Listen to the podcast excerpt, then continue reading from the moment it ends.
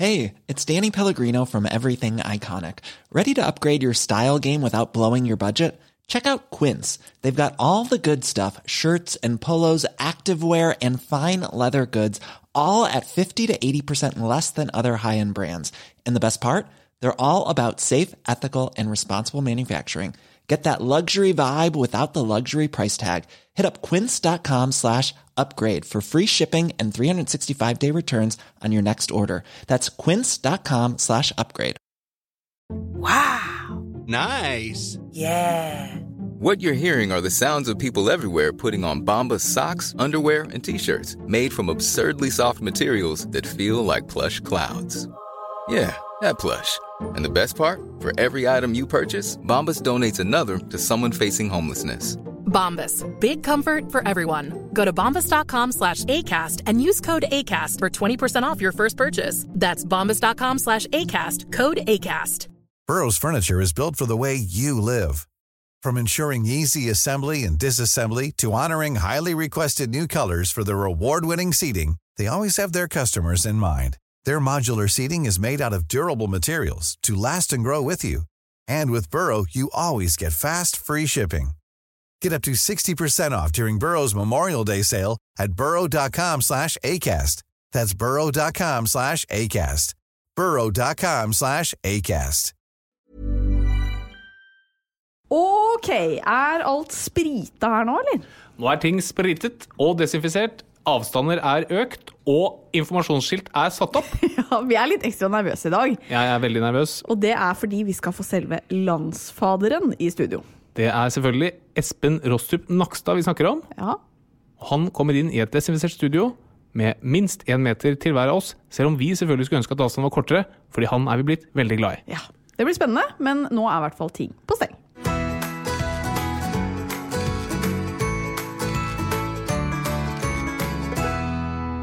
Hei og hjertelig velkommen til Åpen journal. Tusen takk. Vi setter jo veldig pris på at eh, folk hører på denne podkasten, gjør vi ikke det, doktor Doblaug? Jo, det gjør vi absolutt. Det er utrolig hyggelig at vi får viet eh, deres ører til oss, eller omvendt, på en eller annen måte. Og det er vi glad for. Ja. Er det noe spesielt eh, annet du har lyst til å si til dem? Um, jeg er veldig glad i deg. Til meg eller de? Nei, til de. Oh, ja. Men du må, altså det er jo én og én som hører på, som må si du er en fantastisk person. Takk for at du er du, og jeg, Harald, er veldig glad i deg. Så hyggelig. ja, men Det var en fin start. Eh, Og i dag så skal det handle om noe som angår veldig mange av oss. For mens noen er redde for å omgi seg med store menneskemengder, så er jo andre livredde for alt fra edderkopper til det å fly. Og alt dette det er eksempler på angst. Noen opplever det bare én gang i løpet av livet, mens for andre så er angsten en så stor belastning at det påvirker livet i stor grad. Derfor er dagens tema angst. Det er helt riktig. Det er noe som vi alle opplever fra tid til annen. Det er for noen så belastende at det er en sykdom, mens for andre kan bare lære seg noen teknikker for å minimere det i de gangene de opplever det, selv om det ikke er hele tiden. Ja, Kanskje du kan komme med noen tips til teknikker i løpet av denne podden? Tips og eller triks kommer i løpet av denne podden. Så bra. Noe annet som eh, skal komme inn her i studio, det er jo en mann som vi begge har fått stor respekt for. For de siste ukene så er han en av landets mest omtalte personer. Og midt oppi all denne jobbinga så har han tatt seg tid til å komme hit til oss, for vi får besøk av Espen Rostrup Nakstad. Og det er, eh, for de som ikke vet det, eh, så kalles han for eh, Fungas, har jeg skjønt. Vet du hva det står for? Det står for fungerende assisterende. Ja, Fordi han er altså fungerende assisterende direktør for Helsedirektoratet. Veldig bra. Og man skulle jo tro at han har veldig mye å gjøre om dagen. Men vi gleder oss veldig til å få en liten prat med han her om litt. Og det vi har lurt litt på, hvordan fikk du hanka han inn? Du, veldig godt spørsmål. Jeg eh, var med på et eh, annet intervju med han. Vet han at du er gift, f.eks.? Ja, det vet han. Eh, og så tenkte jeg jeg kan ikke være her i dette rommet med han uten å bare ha spurt om han vil komme i podkasten vår. Og så tenkte jeg at det var en veldig longshot. Men trivelig som han er, så sa han ikke noe problem, jeg kan da og da. Og jeg sa herregud, fantastisk, vi rydder kalenderen. Og gleder oss til besøk. Og studio. Og rydde studio. Ja, det har vi i hvert fall gjort. Og jeg kjenner at det er litt eh, Man blir jo litt sånn på alerten, fordi at vi desinfiserer jo alt her, men, eh, men vi er jo liksom litt nervøse for at man gjør noe feil. Det er ikke i podkaststudioet til Åpen journal at Fungas Espen Rostrup Nakstad skal pådra seg koronasmitte. Det hadde vært veldig dumt. Så- Tok du selfie med han? Er du en sånn type? Nei, men det syns jeg vi skal gjøre i dag. Jeg kommer til å gjøre det. Yes.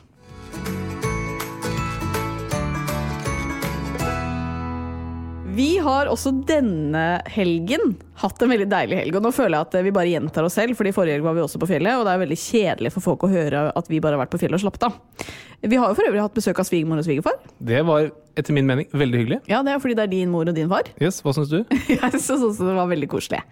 Så det var veldig hyggelig. Eh, Men vi hadde jo en dag alene også, hvor vi tok og slappet helt av og nøt stillheten på fjellet. Men det vi også gjør når vi slapper av, det er å se masse serier. Og nå så ser vi en serie som heter Fauda på Netflix. Veldig underholdende. Um, men det som jeg tenkte, eh, som jeg tror um, i hvert fall noen kan relatere seg til, er jo at når man er litt sliten fredag kveld og skrur på en deilig serie, uh, så er det lett å sovne. Veldig lett å sovne. Og det gjelder både deg og meg. Først og fremst deg. Eh, kanskje mest meg. Eh, og så har jo vi Vi deler jo det meste her i livet, men akkurat Jeg kvier meg veldig for å si at jeg er trøtt. Ja. Ja. Så det som nå ofte skjer, er at vi ser da en serie, og det skjedde jo i helgen. Eh, og så eh, begynner jeg å sovne, og så blir jeg veldig opptatt av å i late som at jeg ikke har sovna. Så da begynner jeg å kommentere litt hva som skjer de gangene jeg gløtter til. og det funka ganske lenge i helgen. ja, Ja. det gjorde det. Og det hender jo også at du våkner av egne grynt. Og andre kroppslyder. Nei, ikke kroppslyder. Nei, ikke Det har skjedd. Noen ganger snorker jeg. Men, eh, men eh, en annen ting som jeg er litt redd for når jeg da sovner til disse seriene, er at du også har begynt å legge deg til en vane hvor du eh, tar hånda foran øynene mine for å sjekke om jeg sovner. Yes. Så jeg er jo, samtidig som jeg er veldig trøtt, livredd for at du skal ta meg i en, en løgn. Ja, Er du mest redd for det, eller er du mest redd for å fise? Nei, det er jeg ikke noe redd for. Nei? Jeg bare spør, jeg. Ja, Men det skjer bare når vi har vært ute og flydd en lang flytur. Så det, det gjelder ikke en biltur opp til fjellet. Ok. Ja. Eh, Men da tenkte jeg på, eh, det er jo liksom noe jeg unngår å fortelle deg hvis jeg sovner foran serien. Er det noe du aldri liksom forteller meg? Eh, nei. Mener jeg er det? åpen som en åpen bok. Ja, Nei, det er bare fordi du ikke vil fortelle det nå. ja altså, altså Hvis jeg ikke har fortalt det til nå, så er jo det en grunn til det. Da tar jeg det ikke her, liksom. Nei. Nei? Her burde jeg hatt tid til å forberede meg, kjenner jeg. Ja. Det er akkurat som du kan forberede til spørsmålet Si en dårlig egenskap ved deg selv i et jobbintervju. Så kan du si 'jeg er fryktelig perfeksjonist'. ja. Det er jo ikke lov. Kan- Det jeg ikke sier til deg, hvor uendelig glad jeg er i deg. Nei. Jeg har en ting jeg ikke sier til deg. Ok. Men i og med at vi har felles økonomi, så føler jeg ofte at du kan eh, oppdage det. Men overraskende mange ganger har det gått deg hus forbi. Og det er parkeringsbøtter. Nettopp. Yes. Når jeg får det, da betaler jeg det i stillhet, og så håper jeg at det går eh, under radaren. Det vet jeg, jeg vet hvor du har det fra. Hvem er det? Din mor. det er helt riktig. Men hun er nesten hakket verre enn meg, Ja, for hun må jo få deg til å betale for det. og så vippser hun meg penger. Ja. Så en, jeg har fått overtatt en kvinne med Ja. en eh, litt belastende historie, Ja. rett og slett. Men eh, det er jo bare for at man ikke skal eh, bli belært om hvor dumt det er å få en parkeringsbot, for det vet man jo. Ja. Ja. Men du, det hjelper jo Kunne kanskje hjulpet, da, hvis du fortsetter å få masse parkeringsbøter. Men det skal jeg i hvert fall i fremtiden prøve å unngå. Takk for det. Jeg vil også legge til det som er blitt skinfluencer. Du har blitt ski skinfluencer? Ja. Ja. At jeg har nå kjøpt eh, to ting til til min hudpleierrutine. ja. Til eh, alle lytterne som sikkert er utrolig opptatt av mine hudpleierrutiner. Ja, fordi du har jo fått en del spørsmål etter at vi hadde en episode om hud. Det har jeg faktisk fått. Ja, og det er Til mitt forsvar. Hva er det de spør om? Jeg spør om hvilke produkter jeg bruker, Ja. og hvilket merke osv. Ja. Men det har, fordi da vi leste oss opp på hud til tema for to uker siden, så så jeg på dette her med peeling og kjemisk peeling og sånn, som vi også diskuterte da. Eh, og da kjøpte jeg faktisk eh, hudtoner, som er sånn syrevariant. ja. Fått eh, resultatet så langt veldig bra. Jeg anbefaler det eh, som privatperson Harald, ikke som legen Harald, men Ja. som privatperson Harald, så anbefaler jeg det. ja. Tror du når vi får barn at du må bruke mindre penger på hudprodukter? Nei. Nei. Fordi Nei, hvorfor skulle jeg det? Nei, fordi du får andre ting å bruke penger på? Ja, men eh, det handler om prioritering. Men en annen ting som jeg skjønner at endrer seg når man får barn, det er faktisk en konkurranse du og jeg har gående. For vi har jo eh, en sånn stående greie om at eh, hvis vi mangler en vare på butikken, så eh, gjør vi en konkurranse ut av å løpe fortest til butikken, kjøpe varen og tilbake igjen. Yes. Og det syns jeg har fungert veldig bra, fordi eh, da blir det liksom ikke kjedelig å dra og kjøpe f.eks. rømme til tacoen. Eh, Men det jeg skjønte i denne uka, eh, så snakket jeg med en kollega på jobb, og han fortalte det at du kommer ikke til å ville løpe til butikken pga. konkurransen lenger. Men man kommer til å ville gå på butikken fordi man vil ha litt fri. Oh, ja. Har du hørt det? Nei. Nei. For det er visstnok sånn at man begynner å krangle litt om at man uh, skal få muligheten til å ta seg et kvarter fri. Og så bruker man gjerne også litt ekstra lang tid på å handle, da, har jeg skjønt. Stopp, ja. Da skjønner jeg. Men da er det veldig dumt å bo veldig nærme butikk, da. Ja, Uh, sånn som nå bor jo vi kanskje litt for nærme butikk. Ja. Eh, nå, ja, når vi flytter så må vi jo Ja, man kan gå, men kanskje man også kan ta seg en biltur. Og det har jeg skjønt at det er enda deiligere. Men kan du si liksom på kvelden, akkurat når det er leggetid for ungen, så kan du si du, nå må jeg ut og kjøpe noen hagemøbler, f.eks. Og så kjører man til eh, Maxbo, f.eks. Ja, kommer du hjem med noen hagemøbler, så er det greit. Ja, jeg vet ikke. Det er, nå spiller jeg bare videre på det du mente var en god idé. Ja, jeg tror jo Jeg tror ikke du kommer til å få lov til det midt i legging, kjenner jeg. Nei. Så raus er jeg ikke.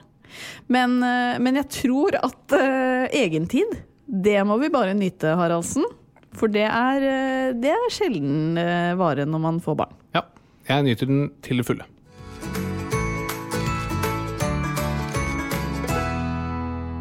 Opptil 30% av oss får en angstlidelse i løpet av livet, men mange flere vil oppleve episoder med anfall. Og dette kan jo være enten frykt for å fly, fobier mot høyder eller trange rom, eller så kan det bare være episoder hvor man er redd for å være sammen med for mange mennesker på en gang. Og angst det er veldig vanlig, men kanskje er det også et ord som vi tidvis eh, misbruker litt i dagligtalen. For hva er egentlig angst for noe, Harald? Altså Først og fremst vil jeg bare si at angst er noe kjempebra. Og uten angst så hadde de vært døde alle mann. Litt overraskende svar der. Litt overraskende. Tenk litt på det. Eh, Helt konkret så er det jo en følelse av uro og anspenthet og en forventning om at det er noe forferdelig som skal skje. Og grunnen til at jeg sier at den er så viktig, er jo at det finnes jo veldig mange ting som man skal ha angst for. Det er mange ting som er potensielt farlige. Men når vi snakker om angst i dagligtalen, så snakker vi gjerne om det som heter patologisk angst. Altså angst som er uberettiget. Hvor du har disse forferdelige følelsene knyttet til en hendelse som egentlig ikke burde skape de forferdelige følelsene. Eh, Og nettopp fordi den er uberettiget, altså at man er fryktelig redd for å fly f.eks., som man jo vet ikke er farlig, så fører det at veldig mange hater angsten sin. Det er veldig mange som sliter med angst, og veldig mange hater angsten sin. Men da sier jeg, det skal du ikke gjøre i det hele tatt. Du skal være kjempetakknemlig for angsten din. Men så må vi få oppdratt den litt. Vi må liksom lære angsten, eller hjernen, til å forstå når er det riktig med angst, og når er det ikke riktig med angst. Ja, men da må jeg arrestere deg litt. Fordi for eksempel hvis man får, uh, har veldig angst for å enten være med mennesker eller for å fly, da, så ville jeg kanskje ikke vært så glad for at jeg hadde den angsten for det. Nei, så du må bare skille de to tingene, da. Fordi Ja. selve angsten i seg selv, den evnen hjernen din har til å skape dette ubehaget, den er veldig viktig. Ja. Så den kan man si tusen takk for. Dette er veldig vanskelig å få folk med på i starten, men, men hvis du klarer å se på det på den måten, så kan det skje ganske mye. At, at min hjerne har den evnen til å skape så ubehagelige følelser, ah, det er supert. Tusen takk. Hadde jeg ikke hatt den, og hadde ikke mine forfedre hatt den, så hadde jeg ikke eksistert. Da er det satt på plass. Og så kan man gå videre. Men jeg får sånn forferdelig følelse inni meg når jeg skal snakke foran en stor forsamling, f.eks. Det er ikke Altså, da, der er jo angsten på ville veier. Så da må man stramme den opp litt. Men ikke vær um, Ikke skap så mye ubehag rundt angsten din. Det er et sånt begrep som heter the second arrow. Jeg tror det er et buddhistisk begrep eller noe sånt. Som mennesker er veldig gode på. Og eh, tanken, altså Grunnen til at dette second arrow er fordi sant, du blir skutt med en pil, og da har du fått en skade på kroppen. Og så the second arrow, det er når du begynner å tenke på hvor dum du var, som sto der hvor, den, eh, hvor han finnen kunne se deg. Så det sånn, fy faen så dum jeg. Nå kom den pilen og traff meg rett i magen. Herregud, typisk meg. Ute midt på slagmarken uten å se meg for. Og nå, er- der er den pilen jeg kommer garantert til å dø, og dette går ikke bra. Alltid helt siden jeg var liten har jeg vært så uforsiktig. Og da du får en helt sånn byrde nummer to. Altså det, the second arrow. Og det er litt sånn angst også. At angsten er der. Den gjør en veldig viktig jobb. Ikke vær sur på den for at den er der, vær sur på at den er feil sted. Når er angsten veldig bra, da? Hvis du er på savannen, som vi har vært i noen tusen år, og det kommer en løve mot deg, f.eks., da er den superbra. Men hva er symptomer på angst? Så man har både kroppslige symptomer og følelsesmessige symptomer. Og i kroppen, og det er det som er angstens eh, rolle, er jo å gjøre deg trygg, egentlig. Så i kroppen så vil hjernen din forberede kroppen på det vi kaller fight or flight. Altså enten at du skal slåss eller at du skal flykte. Og da frigjør kroppen masse stresshormoner og aktiverer det autonome eller automatiske nervesystemet. Som fører til at hjertet slår fortere. Mer blod går til musklene, som også blir mer anspent, altså klare til å løpe eller til å slåss. Blodsukkeret stiger. Man begynner å puste fortere, får mer oksygen inn i kroppen. Eh, Man begynner å svette, og man kan også bli tissetrengt eller få diaré.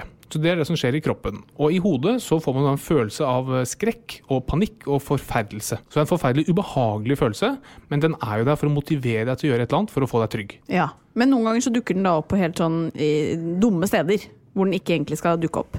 F.eks. når du skal ut og fly. Hvorfor får man det da? Ja, altså, Hjernen vår skaper jo angst basert på to ting. Det ene er input den får utenfra, f.eks. synet av en løve. Og det andre er hvordan hjernen bearbeider den inputen. Altså at du tenker at det, nå kommer den løven for å spise meg opp. Um, og man skjønner jo hvorfor man, mennesket har utviklet denne egenskapen. Det er for å, det er for å holde deg trygg og holde deg vekk fra farer. Uh, men så, det som skjer når man får da angst som er uberettiget, eller, eller angst sånn som du snakker om, som blir en lidelse, det er når hjernen starter med prosesser som gjør at den angsten blir litt for ivrig. Altså hjernen skaper angst uten at det er noe input utenfra eh, som tilsier at det skulle være angst. Og her er det veldig mange mekanismer og faktorer som spiller inn. Og en av de viktigste mekanismene her, det er læring. Altså hjernen vår er en mester i å lære. Så hvis du f.eks. tenker at det å fly, det er farlig. Så sitter du på et fly, og så opplever du turbulens f.eks. Da vil hjernen tenke å fy søren, nå er det like før vi styrter. Da har hjernen lært det og tenkt at vet du hva, jeg mistenkte at det var å fly, og nå har jeg fått dette bekreftet. Så blir du mer redd enn det du var. Altså angsten forsterkes. Og så slutter man helt å fly, og da får man jo ikke noe ubehag. Og da har man lært det at vet du hva, ja, flyving var farlig. Ja, det er bedre å bare unngå det. Da unngår jeg det ubehaget. Og så er det jo mye som påvirker den evnen hjernen har til å lære dette, eller hvorfor du begynner å tenke at det å fly er farlig i utgangspunktet. Og der har genene du har eh, en del å si. Altså hvor lett er det for kroppen å bli aktivert, altså for hjertets eh, Altså pulsen til å stige osv. Eh, og så er miljøet du er oppvokst i, spiller også en veldig, veldig stor rolle. Mange har jo foreldre som er veldig engstelige, og som lærer deg direkte eller indirekte at verden er et farlig sted å være, og da blir det utgangspunktet ditt. Jeg hadde en underviser en gang som sa på studiet at når du kommer til verden som et lite barn, så er du veldig usikker på hva du kommer til. Hva slags sted er dette her? Er det et trygt sted å være, eller er det et utrygt sted å være? Og da er det foreldrenes jobb å få deg til å skjønne at du, her er det faktisk trygt, og det gir deg et helt annet utgangspunkt, og det gir også eh, muligheten for angsten til å utvikle seg, at den blir mye mindre. Du tenker at her er det trygt. Um, og så er det jo andre ting som gjør at selv om du ikke sliter med angst til vanlig, så kan det være ytre faktorer som gjør at du lettere får angst. F.eks. som man ser ganske ofte som lege. Og det er at noen i familien har dødd av et hjerteinfarkt, f.eks. Og så vet jo alle at hjerteinfarkt det er noe som gir smerter og ubehag i brystet. Og da begynner hjernen din å være litt ekstra på vakt rundt uh, ubehag i brystet. Da kommer du til legen, du har litt sånn ubehag her i brystet. Ja, jeg er en ung og frisk fyr, men det er en i familien som døde av hjerteinfarkt, så nå, nå kjenner jeg litt ekstra på dette her. Og det er jo forståelig. Absolutt. Det er helt forståelig og det er helt naturlig. Og det er jo en måte kroppen gjør for å beskytte seg selv. Igjen, angsten er der for å beskytte oss, for å kunne oppdage et hjerteinfarkt tidlig. Så det, det er veldig mange mekanismer som spiller inn, som gjør at, eh, at angsten får lov til å utvikle seg. Men det kan jo høres ut som at angst ligner på mye annet. Hvordan skal man klare å skille et angstanfall fra det å f.eks. bare være ganske redd eller veldig stressa? Altså de, både med, med frykt og stress og angst henger veldig mye sammen. Det er mye av de samme mekanismene som spiller inn. Men jeg tror liksom hovedspørsmålet er, man må stille seg er henger reaksjonen sammen med det man reagerer på. Er det, er det reelt at jeg skal oppleve så mye ubehag rundt den situasjonen jeg er, står overfor? For eksempel, hvis du har eksamen i morgen, så kommer du til å sove dårlig, du går med høy puls, du har eh, diaré og du er redd for at, hvordan det skal gå. Men det kaller vi ikke angst, eller vi kaller det i hvert fall ikke en lidelse, fordi alle skjønner det at ja, du har eksamen i morgen. Det er helt naturlig å reagere på den måten. Men hvis du går rundt og du sover dårlig, du går rundt med konstant høy puls eller med en sånn konstant følelse av frykt av årsaker som ikke er farlig, f.eks. du skal fly om en måned, eller at du skal snakke for en stor forsamling, eller du konsekvent går rundt og kjenner etter og tror at du lider av en alvorlig sykdom, da er det unormalt, og da eh, kaller vi det angst. Men når blir det en sykdom, da? Da må det to ting til. Det ene er at du må ha en reaksjon som ikke står i stil med årsaken, som jeg snakket om. Men det andre er at det må også påvirke livskvaliteten din negativt. For eksempel, veldig mange syns jo det å snakke foran store forsamlinger er forferdelig behagelig. Man kan godt si at de får angst av det. Men en måte å takle det på er bare å unngå å snakke i store forsamlinger. Sånn at du har ikke noe problem med den angsten. Og da er det ingen behandler som vil ta tak i det og si at det skal behandles. da. Så det må også være noe som påvirker livskvaliteten din negativt. Og hvis det er sånn, da syns jeg du skal oppsøke noen for å få hjelp. Ja. Og da oppsøker du F.eks. fastlegen er et naturlig første punkt. Ja. Men det, det er jo veldig mange typer angst. Vi har nevnt noen av de. Hvilke er det du ønsker å trekke fram? Så angst kan enten være uspesifikt, ved at du går rundt og ikke helt vet hva du er redd for. Um, og hvis du går rundt og hele tiden er litt redd for et eller annet sånt, så kaller vi det generalisert angst. Ganske forklarende. Men hvis denne angstfølelsen bare kommer og går i sånne anfall, da kaller vi det panikkangst. Så har du mer spesifikke typer angst, som fobier, eller helseangst, sosial angst, prestasjonsangst og tvangslidelser, som vi har snakket om for eh, noen uker siden. Vi skal litt innom barn og angst. Fordi eh, mange barn vil jo eh, i løpet av barndommen oppleve angst for noe. Enten det er å separeres for, fra foreldre, eller de kan bli redde for dyr, som hunder. Hva kan foreldre gjøre i disse situasjonene? Det er veldig veldig vanlig for barn å oppleve angst i ulike deler av oppveksten. Og det viktigste foreldrene gjør, det er å trygge barna. Altså øke mestringsfølelsen til barna, få de til å bli trygge på seg selv. Og så er jo eksponering veldig viktig. At man rett og slett gradvis utsetter barn for det de er redd for. I selvfølgelig trygge rammer. Du kaster ikke på sjøen hvis de er redd for å svømme. Men liksom litt etter litt tar de med i trygge rammer og eksponerer det for det de er redd for. Så de skjønner at du kan lære opp hjernen til å si at vet du hva, dette her er ikke farlig. Men det er en jobb som kan ta mange år. Altså det tar mange år å oppdra et barn og lære opp en hjerne. Og noen ganger så må man også søke profesjonell hjelp. Men hva tenker du som lege om at uh, vi så veldig gjerne vil ha merkelapp på alt? Altså, pasienter kommer jo sikkert til deg, og så ønsker de å vite om de har diagnosen angst. Hvordan møter du de pasientene? Jeg pleier å si at uh, dette med, altså starte med å si da, at dette med angst og bekymring er kjempebra. Og så spør jeg liksom, tenker du ofte på det? Hvor heldig du er som har den evnen til å være bekymret. Og at du har den enormt flinke hjernen som klarer å skape så mye angst. Og det har du selvfølgelig aldri tenkt på på den måten. Og de blir sånn som du sier, hvordan kan jeg liksom se på det som en positiv greie? Men hvis du får de med på den, da åpner den litt eh, dører. Og da, da kan du snu litt på følelsen de har rundt dette her. Du kan slippe den her, i hvert fall den second arrow-effekten. Den hvor du begynner å hate angsten i utgangspunktet. Em, og så tror jeg at dette med å liksom ønske å be om merkelapp, det tror jeg på en måte kan virke litt mot sin hensikt. da. Jeg tror det det er veldig lett å bare si nei, du skjønner jeg har sosial angst, så jeg gjør ikke ditt og datt. Eller jeg, jeg har flyangst, så jeg flyr ikke. Eh, den prøver jeg å unngå litt, og heller se på at dette er jo Angst er jo ikke, det er ikke sånn at enten så har du angst, eller så har du ikke angst. Alle har det, i større eller mindre grad. Og noen ganger så blir det så alvorlig at det begynner å påvirke livskvaliteten din. Men å, å bruke det som en merkelapp bare for å ha noe, det er jeg ikke noe fan av. Nei. Hvordan jobber du med pasientene da, hvis de kommer og, og sliter med en form for angst? Først er det bare å få snudd litt tankegangen og så få sett på hva er det egentlig som skjer her. Hva er det man egentlig er redd for? Veldig mye av det som skjer ved angst, er at du begynner å få angst for angsten. Altså Du er så redd for å få angst igjen at, at det i seg selv blir en, en utløsende faktor for, for ny angst. Men det er som jeg har sagt om tidligere, er veldig, måten du jobber på det er veldig individuelt. Men, men det er viktig å si at de fleste blir bra, men, men du må liksom se an hver pasient for seg. da. Når skal den behandles, da? Det er når pasienten selv føler at eh, det blir et problem. Altså Når, det, altså når pasienten sier at jeg opplever angst og ubehag, da syns jeg det skal behandles. Det som er ofte problemet, er at veldig mange presenterer seg med noe annet enn angst. Altså Pasienten skjønner ikke selv at det er angst som er årsaken til problemet. Og det opplever veldig veldig mange leger. At pasienter kommer med et problem som man ikke finner ut av. F.eks. brystsmerter eller magesmerter eller høy puls, eller pasienter som går rundt og føler at de ikke får puste, eller at de har skjelvinger osv.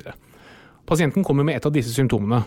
Og så eh, er det det legen tar tak i. Kan pasienten komme med magesmerter f.eks. Og så finner legen ut at nei, du, det er ikke noe galt med magen din. Nå har vi tatt røntgenundersøkelser, vi har tatt skopi, vi har tatt blodprøve. Det er ingenting gærent. Og så sier legen dette er supert, ha det bra. Men pasienten syns ikke det er bra. Vi leger og, pasient, altså leger og pasienter har veldig forskjellig syn på hva som er bra, når de er fornøyde.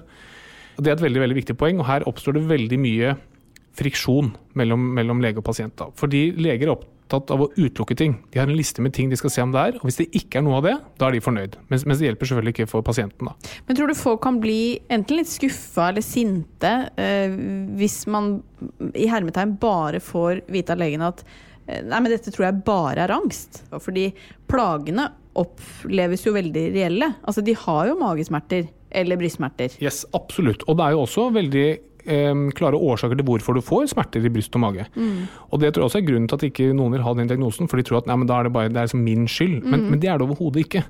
Så når man får, hvis man har utredet for magesmerter over lang tid og funnet at du, dette er nok psykisk, så må man tenke sånn Yes, dette er jo kjempebra, for da er det det, det, psykiske vi skal jobbe med. Det er et eller annet som gjør at mitt eh, automatiske mm, nervesystem gjør at jeg konstant går med magesmerter eller magekramper, og så kan man ta tak i det. Så det er ikke for å si dette er bare angst, gå hjem og skjerp deg. Det er bare å si at ok, nå har vi sett at det er ingenting galt med kroppen din, det er ikke noe galt med tarmene dine, alt sånn. Dette, det er et eller annet hjernen din gjør når den snakker med tarmsystemet ditt, som gjør at den skaper veldig mye helt reelle plager for deg. Og hvordan behandler man da angst? Yes, så Det kommer an på mange ting, som vi har snakket om, men i all hovedsak så er det former for samtaleterapi og det som heter kognitiv atferdsterapi og eksponering. Altså Du må lære hjernen til at det du er redd for, det er virkelig ikke noe å være eh, redd for. Og for veldig mange som opplever i hvert fall angst i perioder, så er det sterk korrelasjon mellom stress og angst. Og da vil all form for stressreduksjon hjelpe, f.eks. meditasjon, som jeg er blitt glad i. Og bare si det, de aller fleste blir friske av dette her. Så det finnes mye og god hjelp, man må bare komme seg til riktig person. Når er det aktuelt med medikamenter? Eh, veldig sjelden. Det finnes jo en del medisiner som reduserer angst, og det som mange har hørt om er som Sobril og Valium og Vival, men de har en veldig kortsiktig effekt, og de mister effekten sin veldig fort, og man blir avhengig. I tillegg så gjør ikke noe med hvorfor du har angst, de bare reduserer hjernens evne til å fremkalle disse ubehagelige følelsene. Eh, Så de er vi ikke noe glad i. Det har man gått mer og mer bort fra, for det er så innmari kortsiktig løsning. Men hvis du f.eks. har spesifikke fobier som du opplever én til to ganger i året, f.eks. som flyangst, så kan det være mer hensiktsmessig å bruke disse medisinene den ene eller to gangene i året, enn å måtte drive og avlære hjernen den angsten den driver med. Men dette med bruk av medikamenter, altså det er jo relativt vanlig med bruk av Sobril, og antidepressiva er også blitt noe som veldig mange kommer og ber om hos legen. Eh, Er det en litt sånn misoppfatning at det kan fikse det meste? Ja, altså det er jo med antidepressiva så det er en veldig tett korrelasjon mellom angst og depresjon. Mange av de som har mye angst, er deprimerte, og veldig mange av de som er deprimerte, har også angst. Da. Eh, Men f.eks. for eksempel som generalisert angst, så er antidepressi- antidepressiva førstevalg hvis man skal bruke medikamenter. Så um, de har nok fått et ufortjent godt rykte i starten. Så tror jeg de har fått et litt ufortjent dårlig rykte nå i den, i den senere tid. fordi det vi vet om antidepressiva, de er, de er effektive, og de er ganske godt uh, tolerert. Da. Men det er jo sånn som med alle medisiner, så er det bivirkninger. Og litt sånn forenklet så kan du si at denne type medisiner som antidepressiva, de fjerner litt av følelsene. Og angst er en følelse, så du fjerner litt av den. Men du fjerner da også oppturene litt, så du blir litt sånn flatere av det. Men du må se litt på utgangspunktet. Hva er utgangspunktet her? Er man liksom virkelig eh, ordentlig hemmet av angst, sånn at du har en forferdelig dårlig livskvalitet, så vil man prøve alt man kan for å prøve å løfte livskvaliteten. Men angst har jo også blitt, eh, med fare for å tråkke noen på tærne, noe som har blitt litt sånn populært eh, å, å bruke om seg selv. At eh, veldig mange sier jo at de har angst for eh, mye, egentlig. Eh, og jeg kjenner at jeg kan misbruke det ordet egentlig ganske ofte i dagligtalen. At jeg sier å, jeg har helt eh, angst for høyder. Og så er det jo ikke så farlig på en måte for meg å klatre opp i en, et tre. Eh, hva tenker du om at det har blitt eh, så vanlig? Jeg tror jo det er litt tveget svei, det der. Det har vært veldig mye fokus på det de siste årene, om veldig mange som med en viktig influenserstatus som har vært ute og sagt at de har angst, og bidratt til å sette litt på dagsorden. Og det, det tror jeg har en positiv effekt. Og så kan det nok noen ganger for noen oppleves som at det har blitt en litt sånn trenddiagnose. At det gjelder å, å, å få det stempelet og få den diagnosen. Og det tror jeg nok kan virke litt mot sin hensikt, fordi man må tenke på hvorfor skal du ha den diagnosen? Altså hva hjelper det deg å bare få eh, stempelet? Er det fordi du har et utgangspunkt for behandling? Det er sånn, ah, nå vet jeg hva som er årsaken til plagene jeg har, nå skal jeg jobbe med det. Eller er det for å kunne si det høyt, altså for å få oppmerksomhet? Det tror jeg ikke det er så mange som gjør. Eller er det for å ha en unnskyldning? At du kan si nei, du skjønner, fordi jeg, har- jeg har sosial angst, og det skal jeg ikke gjøre. Um, og her skal man bevege seg veldig forsiktig, men, men jeg tror nok for veldig mange som sliter med invalidiserende angst, som veldig mange har, så kan det nok oppfattes som litt respektløst når det kommer folk som er helt åpenbart velfungerende og sier at nei, du, jeg har så forferdelig sosial angst. Det bidrar til å stigmatisere en gruppe som i utgangspunktet føler seg litt stigmatisert. Da. Altså Veldig mange på en søndag etter en heftig bytur vil jo Life is full of what ifs. Some awesome, like what if AI could fold your laundry? And some, well, less awesome, like what if you have unexpected medical costs? United Healthcare can help get you covered with Health Protector Guard fixed indemnity insurance plans. They supplement your primary plan to help you manage out of pocket costs. No deductibles, no enrollment periods, and especially no more what ifs. Visit uh1.com to find the Health Protector Guard plan for you. Nice. Yeah. What you're hearing are the sounds of people everywhere putting on Bombas socks, underwear, and t-shirts made from absurdly soft materials that feel like plush clouds. Yeah, that plush. And the best part? For every item you purchase, Bombas donates another to someone facing homelessness. Bombas. Big comfort for everyone. Go to bombas.com slash ACAST and use code ACAST for 20% off your first purchase. That's bombas.com slash ACAST. Code ACAST. Burrow's furniture is built for the way you live. From ensuring easy assembly and disassembly to honoring highly requested new colors for their award-winning seating, they always have their customers in mind. Their modular seating is made out of durable materials to last and grow with you.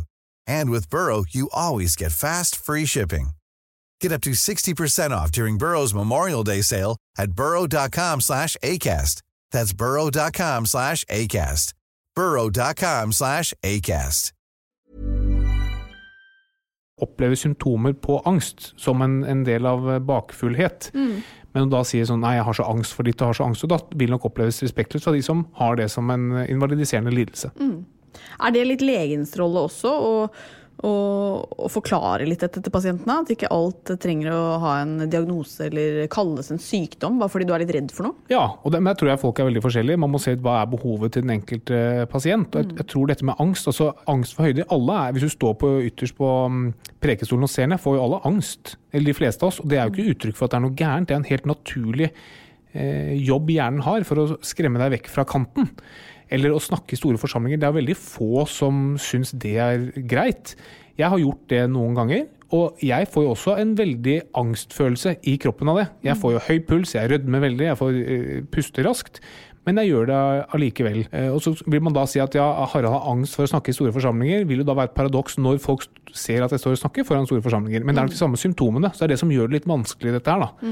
Og da tror jeg man skal bare være litt forsiktig for når man setter den merkelappen på seg selv. Fordi mange vil nok oppleve det som litt paradoksalt. At man sitter her og sier at man har en, en ganske alvorlig lidelse. Men det, det hemmer deg åpenbart ikke nok til at du kan gjøre de tingene du gjør. Så fint. Da har vi fått uh, litt mer klarhet i hvorfor man har angst, og at det også kan egentlig være en positiv ting, bare hvis den skjer til rett tid. Yes, Så husk, angst er bra, men ikke alltid.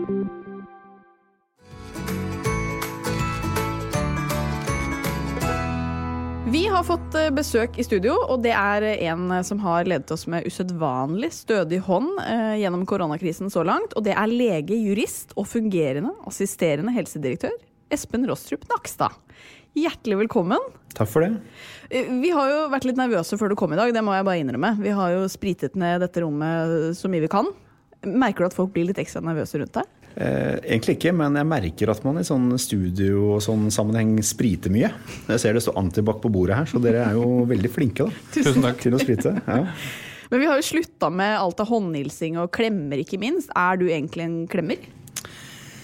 Jeg vet ikke. Jeg er sånn, eh, en sånn mellomfase av de som eh, vokste opp uten at man klemmet veldig mye, tror jeg. Og så har det blitt veldig mye de siste årene. Men, eh, men det er et interessant fenomen, da. At det er betydelig mer klemming de siste ti årene enn før, eh, før det, tror jeg. Eh, Og så blir det spennende å se nå etter korona da, om eh, man går tilbake til klemming, eller om det blir litt mer sånn som det var på 80-, 90- og over 2000-tallet. Tror du du er, hvis man går tilbake til de vanlige forholdene, tror du du vil få mer eller mindre klemmer enn før korona? Det er et godt spørsmål. Eh, Jeg savner som de fleste andre å klemme på de jeg kjenner best og bor sammen med, selvsagt. Men eh, de klemmer jeg for så vidt på eh, nå også. Men, mm. men nei, det er et godt spørsmål. Jeg har ikke tenkt så mye på det. For jeg har jo litt lyst til å klemme deg i liksom hva rollen du har hatt, og jobben du har gjort, men jeg har ikke lyst til å være den som gir deg covid-19. Nei, ikke sant? Nei, i like måte. Helst ikke gjøre det. Så vi får følge reglene enn så lenge, da. Ja, vi får gjøre det. Vi får holde ut litt til. Ja. Men som, eh, som lege, som Harald er, og som legestudent som jeg er, så får jo vi en del sånne spørsmål fra venner og kjente om dagen. Eh, Både når det gjelder covid, men også eh, utslett som barna får. Hvordan har det vært for deg de siste ukene? Har, har folk ringt deg ned? Nei, egentlig ikke. Eh, altså ikke sånn privat, men, men det har blitt veldig mange spørsmål av veldig mange ulike typer. Og det går alt på liksom det internasjonale til eh, håndeksem eh, fordi du vasker hendene for mye. Altså det er et veldig vidt spenn, da. Eh, så det er jo noe av det som på en måte er eh, dels interessant, men også litt utfordrende, da. Sånn som det har vært for meg. Mm. Men får du det da inn på private kanaler? Altså folk er sånn hei, sett deg på TV. Nei, det er veldig, altså Journalister stiller utrolig mange forskjellige spørsmål. og Noen sitter og leser publiserte studier i tidsskrifter og, og dykker ned i materien altså stiller detaljerte spørsmål. Sånn at det, det, det jeg har prøvd å konsentrere, seg, konsentrere meg mest om, er jo å følge med i litteraturen hva som faktisk skjer rundt koronavirus. For det vet jeg kommer fort. For det er jo litt sånn, det som vi har sett en del av nå i disse tidene, er jo at uh, veldig mange de kommer over én studie, eller de ser én reportasje, og så har de svaret på alt. Uh, Og det gjør det jo mye lettere. Det, det kan ofte være vanskeligere når man vet så mye som det du vet. da. Og en ting som har skjedd nå, er at man får publisert ting mye raskere. Altså dette med fagforeninger som går bort. Tenker du at det har nesten vært for mye informasjon, eller, eller setter du pris på hver nye artikkel som kommer? Nei, jeg tenker at sånn Forskningsmessig skal man alltid ha en grunnleggende skepsis til eh, ting som bare er studert én gang eller to ganger, og særlig sånne pre-peer reviewed eh, publiseringer eh, som ikke er fagfellevurdert, skal man ta med en, en liten klype salt. Samtidig så er det noe av det er jo ordentlig gjort, tilsynelatende, og på et nytt virus som ingen andre har gjort før. sånn at det, sånn sett er det av verdi. Men det er jo først nå Jeg leste her i går om eh, første gang man virkelig har kartlagt eh, innlagte pasienter i New York på en ordentlig systematisk måte. Og når du sammenholder det med det som er publisert i Italia og fra Kina, og alle tre publikasjonene peker på mange av de samme trendene, da begynner det å bli verdifullt. Men, men, du snakker om skepsis og at man skal eh, altså, ha naturlig skepsis, som vi alle er oppdratt uh, til å tenke. Men, men uh, har du sett dette koronaviruset selv, eller tar du bare for god fisk at andre har sett og at det faktisk finnes? Nei, Det er i hvert fall usynlig for det blotte øyet, så man må jo stole på, på de bildene og illustrasjonene som er. Men det er klart at det er mange labber i verden som har forsket på dette viruset nå, og vaksineprosjektene er veldig godt i gang med over 100 prosjekter. Sånn eh, at dette viruset nå er godt kartlagt, det er ikke noe tvil om. Og genomet ble jo for så vidt, eller eh, RNA ble jo kartlagt eh, og gjort tilgjengelig for labber for PCR-testing allerede i slutten av januar, var det vel. I hvert fall i slutten av februar så hadde vi da testmulighet i Norge også, så det var jo veldig tidlig, da. Mm. Men er det mange som tror at du vet mye som du ikke sier? Eh, det er det kanskje noen som eh, lurer litt på, ja. Og det jeg har pleid å svare, i hvert fall til journalister, er jo at eh, vi sier stort sett alt det vi vet, vi. Mm. I hvert fall i Helsedirektoratet så, så er det ikke noen grunn til at vi skal holde tilbake ting. Men det er klart Vi sier ikke ting som vi er usikre på nødvendigvis. Det er jo veldig mye vi kan spekulere i og tro. Men alt det vi har tenkt ferdig og vurdert, det er vi helt åpne på. Mm.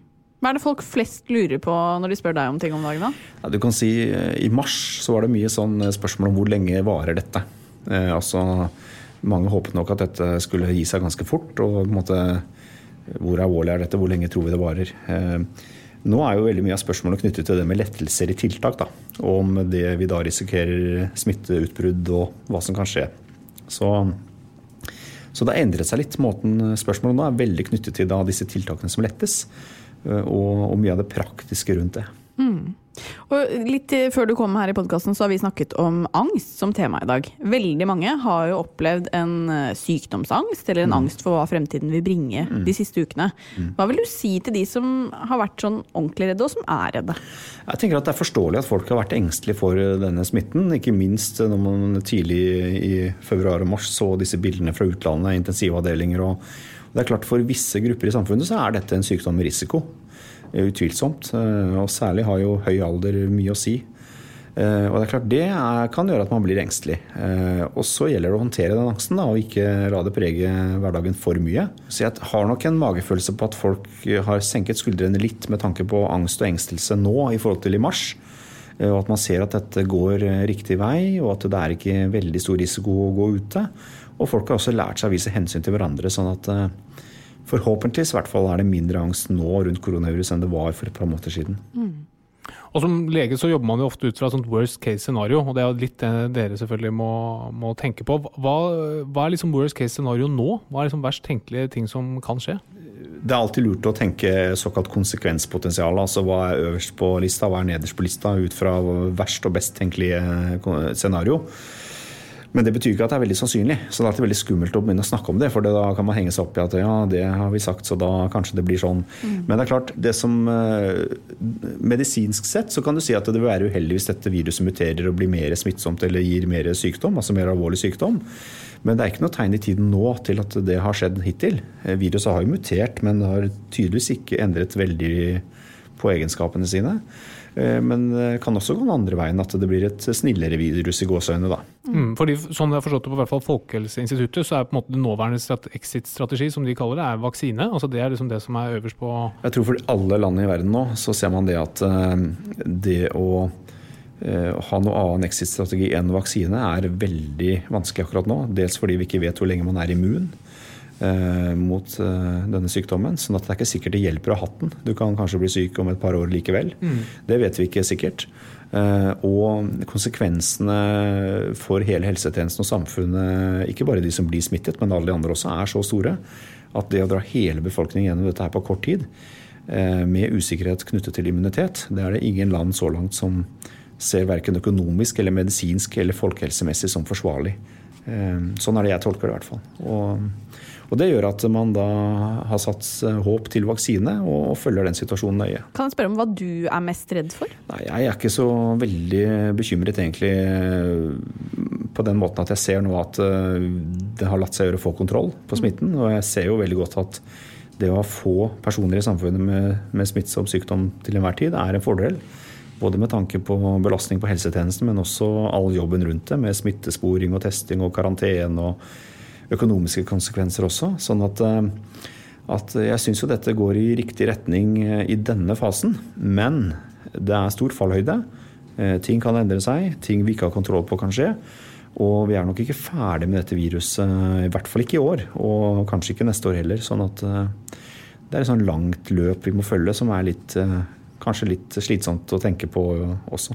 Mm, og mange vil jo ha et svar, ikke sant. At innen eh, Når vi er over sommeren, da er vi tilbake igjen til det vanlige.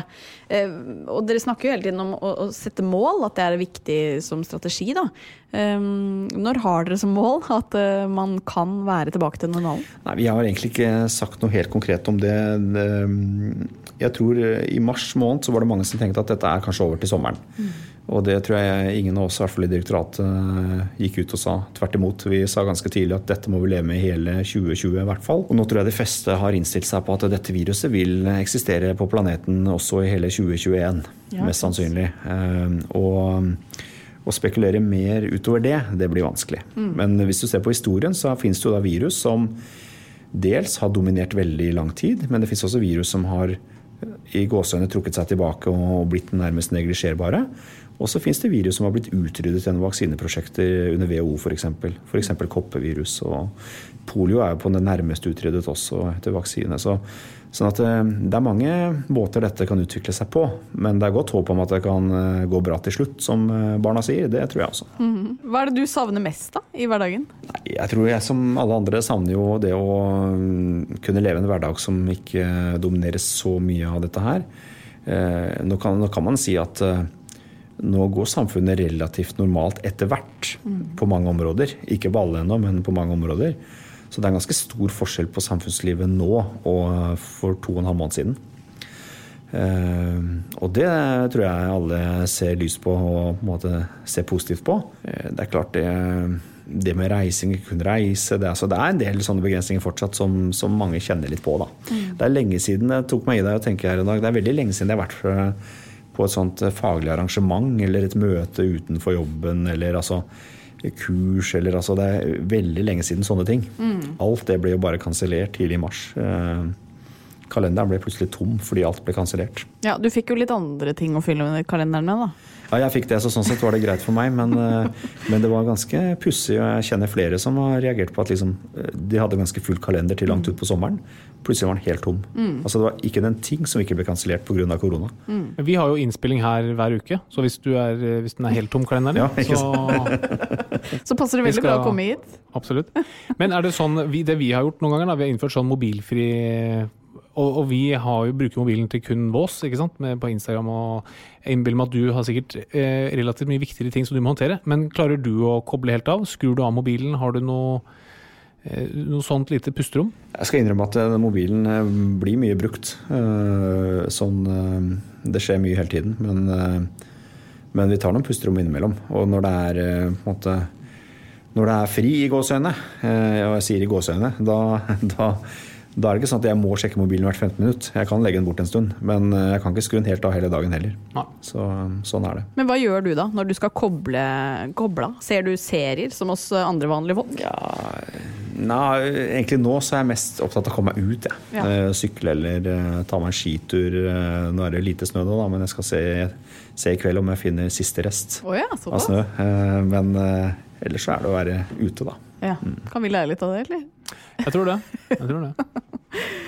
Um, vi nærmer oss uh, quizen, som vi gleder oss uh, veldig til. Men hvis du kunne få muligheten til å si noe til det norske folk nå, Espen, hva ville det vært? Nei, eh, jeg har lyst til å si kanskje at, at jeg er imponert over hvordan folk har gjort en egeninnsats oppi dette her, som er betydelig.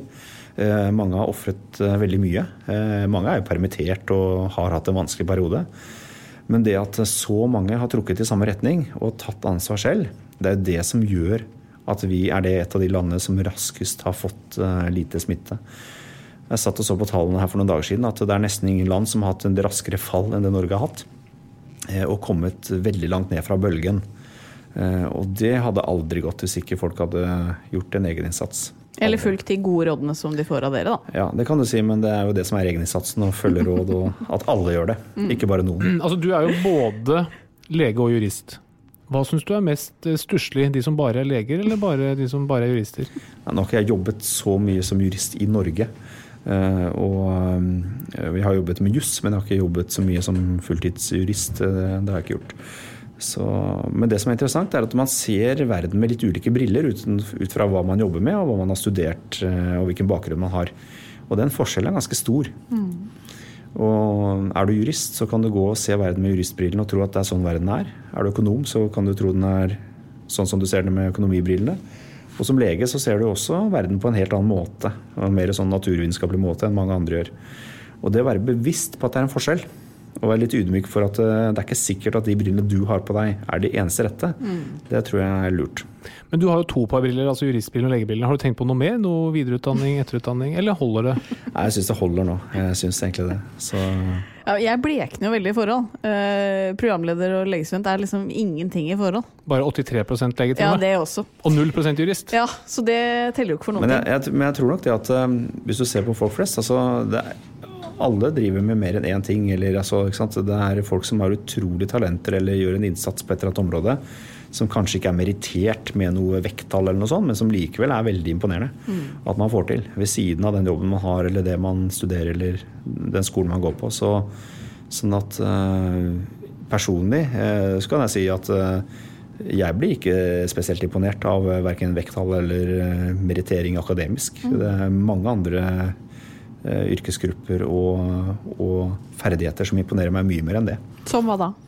Nei, jeg må si eh, at jeg blir av og til imponert over altså, Det er utrolig dyktige håndverkere ute og går eh, på mange ting. Det er folk som driver innen, eh, innen yrker som er eh, mer resultatorienterte enn akademiske. Eh, innenfor logistikk og planlegging. Altså, det er utrolig mye viktige ting som folk driver med, og som de gjør på en utrolig god måte og som mange akademikere knapt skjønner kompleksiteten av. Mm. Eh, sånn at eh, eh, jeg tror det er en sånn litt sånn gammeldags greie at man tenker at fordi du har gått på et universitet, eller sånn, så er du liksom bedre enn alle andre. Jeg har i hvert fall aldri tenkt sånn. Hvor god er du til å sette opp en Ikea-kommode f.eks.? Nei, jeg skal ikke drive og rangere folk i sånne ting, men, men jeg syns litt sånn snekring og ting er faktisk gøy. Altså, sånn er praktiske ting. Men, nei, nei, men det er mange ting jeg ikke er god i også. Så det også er noe med da dels interessen for det, men også dels det at man kan liksom ikke dykke ned i alt heller. Hvilke briller bruker du når du monterer IKEA-møbler? Er det legebrillene eller ja, advokatbrillene? Da, bruker jeg vel først og fremst bruksanvisningen, tror jeg. Du gjør det, ja. ja det. Du er ikke typen som river de i to og spenner alle musklene? Og... Jeg, har i hvert fall skjønt at eh, med mindre du har montert en ting før, så er det alltid lurt å se på en bruksanvisning fra IKEA, fordi der er det lett å trå feil. Men du virker som du har en utrolig tålmodighet. da, altså liksom, ehm, Men, men fins det et område hvor lunten din er kort? Altså Er det noe du ikke har tålmodighet for i det hele tatt? Jeg vet ikke. Jeg, eh, nei, jeg har ikke noe sånn spesielt område, kanskje. Men det er klart eh, Jeg syns ikke det er eh, Det å bruke, kaste bort tid på ting som du vet ikke er noe vits å bruke tida på. Altså en sånn håpløst prosjekt, eller altså Igjen, på det praktiske, prøve å reparere noe som ikke lar seg reparere. liksom Bruke et døgn på det når du ser egentlig at det ikke går. Det er jo sånn, det er ikke noe vits i. Mm. Men da har jeg ikke noe kort lunte, men jeg bare legger det bort. Så mm. Det er en fantastisk egenskap. Ja, veldig. Det kan jo du også lære nå, kanskje? Det kan jeg så absolutt. Ser ut som lunta ikke er så veldig kort på noen av dere, så det Nei da. Men jeg kaster jo, jeg kaster jo bruksanvisningen med en gang da, på IKEA. Det er som der jeg hevder min, eh, min machohet. Ja. Du blir jo altså, du blir jo genierklært, selvfølgelig, og må sikkert hjelpe til med, på mange andre områder enn det du egentlig er satt til. og Da kan vi også bruke den først har det her. Vi venter jo et barn som er en liten gutt. Har du noe navneforslag? Jeg har blitt spurt om det på fleip før, men eh, det, jeg tror aldri foreldre skal få lov til å styre det selv. Og så tror jeg også man skal blande minst mulig svigerforeldre og sånn inn i det. Man skal liksom eh, tenke litt selv, tenker jeg. Tusen Fordi, takk. ja, Ja, ja, men altså Vi har jo diskutert litt eh, muligheten for at å oppkalle den etter en sponsor, f.eks. At høyeste bud eh, vinner navnet. Kunne Helsedirektoratet være interessert i å ja, spørs, om, spørs om det er noen driftsmidler til akkurat den type pengebruk. Altså det, Nei, jeg må bare spørre. Ja, men Det er godt å høre at eh, han anbefaler at eh, svigers ikke skal eh, bestemme. Da blir det ikke verken Halvard eller Jan. Nei, det blir det ikke. Ellers så får du gjøre det sånn da, at uh, nummer én er det en som bestemmer, og så bestemmer det andre på den, uh, hvis det blir noen flere. ikke sant? Det går sånn gjøre. Jeg tror jeg bestemmer begge. Det er sånn i vårt forhold.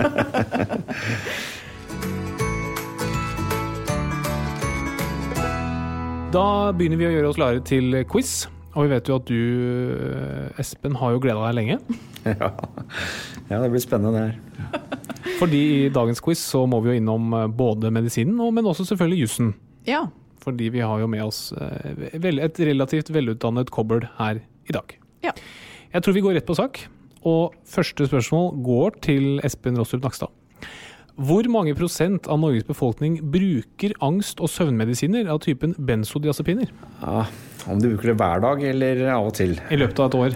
Ja, har brukt det i løpet av et år? Ja. Ja, hva skal jeg tippe? Av voksne befolkning eller av totalen? Totalbefolkningen. Totalen. 30-40% Ok.